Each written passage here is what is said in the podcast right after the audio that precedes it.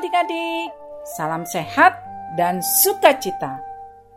Hari ini kita akan membaca dan mendengarkan firman Tuhan dari Markus 2 ayat 13 sampai 15. Mari kita berdoa mohon penyertaan Tuhan.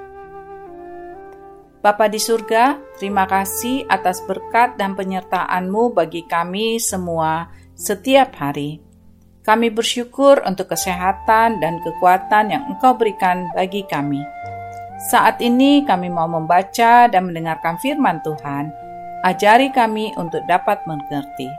Terlebih, kami dapat melakukan di dalam hidup kami. Dalam nama Tuhan Yesus, kami berdoa. Amin. Markus 2 ayat 13 sampai 15. Sesudah itu, Yesus pergi lagi ke pantai danau, dan seluruh orang banyak datang kepadanya, lalu ia mengajar mereka. Kemudian ketika ia berjalan lewat di situ, ia melihat Lewi, anak Alfeus, duduk di rumah cukai, lalu ia berkata kepadanya, Ikutlah aku. Maka berdirilah Lewi, lalu mengikuti dia. Kemudian ketika Yesus makan di rumah orang itu, banyak pemungut cukai dan orang berdosa makan bersama-sama dengan dia dan murid-muridnya, sebab banyak orang yang mengikuti dia. Demikianlah firman Tuhan. Adik-adik, apakah adik-adik pernah mendengar kata cukai? Pasti jarang sekali ya. Sekarang kita menyebutnya sebagai pajak Cukai atau pajak ini adalah biaya yang harus dibayarkan kepada pemerintah atas barang-barang tertentu. Nah, pada zaman Tuhan Yesus, pengenaan cukai sudah ada. Misalnya, bila ada pedagang yang memasukkan barang dagangannya ke kota, maka ia harus membayar cukai kepada petugas yang sudah menunggunya di rumah cukai yang biasanya didirikan di pintu masuk gerbang kota atau tepi pelabuhan. Bahkan para nelayan yang menangkap ikan sepanjang Danau Galilea dan para pemilik perahu yang membawa barang-barang dari kota-kota lain diharuskan membayar biaya cukai. Kalau sekarang, pembayaran cukai dapat dilakukan melalui transfer bank. Namun, pada zaman Tuhan Yesus dulu, uang pajak diambil oleh para petugas yang ditunjuk. Waktu itu Israel sedang dijajah oleh Romawi. Jadi tentu saja pemasukan uang cukai harus disetor kepada pemerintahan Romawi. Orang-orang Israel yang bekerja memungut pajak sudah pasti dimusuhi oleh bangsanya. Mereka dianggap mengkhianati bangsanya sendiri karena bekerja pada penjajah Romawi. Seringkali orang atau petugas pemungut pajak mengambil pajak melebihi ketentuan untuk memperkaya diri mereka sendiri, sehingga mereka semakin dibenci oleh bangsa Israel.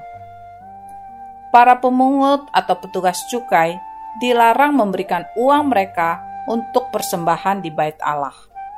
Uang mereka dianggap sebagai uang hasil mencuri atau uang haram.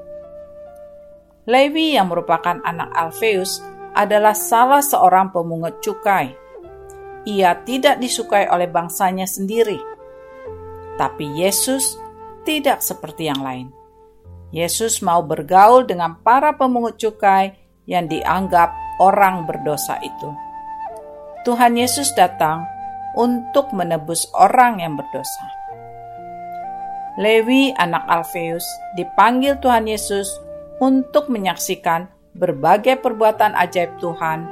Ia juga mendengar ajaran Tuhan Yesus ke mana pun Tuhan Yesus pergi.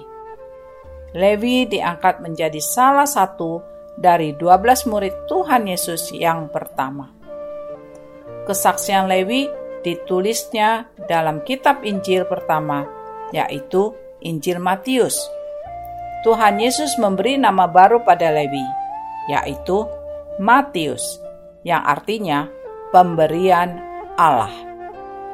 Hidup seorang pemungut cukai yang berdosa berubah menjadi berkat bagi orang lain karena pertemuan dengan Tuhan Yesus. Pemungut cukai itu bernama Lewi. Adik-adik, kita mau seperti Tuhan Yesus yang mau bergaul dengan siapa pun juga, dan kita mau terus menceritakan kisahnya kepada banyak orang, sehingga kita dapat berkata, "Aku mau dipakai Tuhan untuk memberitakan kisahnya." Mari, adik-adik, kita berdoa. Bapa di surga, kami pun orang berdosa seperti Lewi. Namun Tuhan sudah mengampuni dan mengangkat kami menjadi murid-Mu tolong kami dapat bersaksi tentang kasih-Mu kepada orang-orang di sekeliling kami. Terima kasih ya Tuhan, dalam nama Tuhan Yesus. Amin. Demikianlah renungan kita hari ini. Sampai berjumpa lagi adik-adik. Tuhan Yesus memberkati.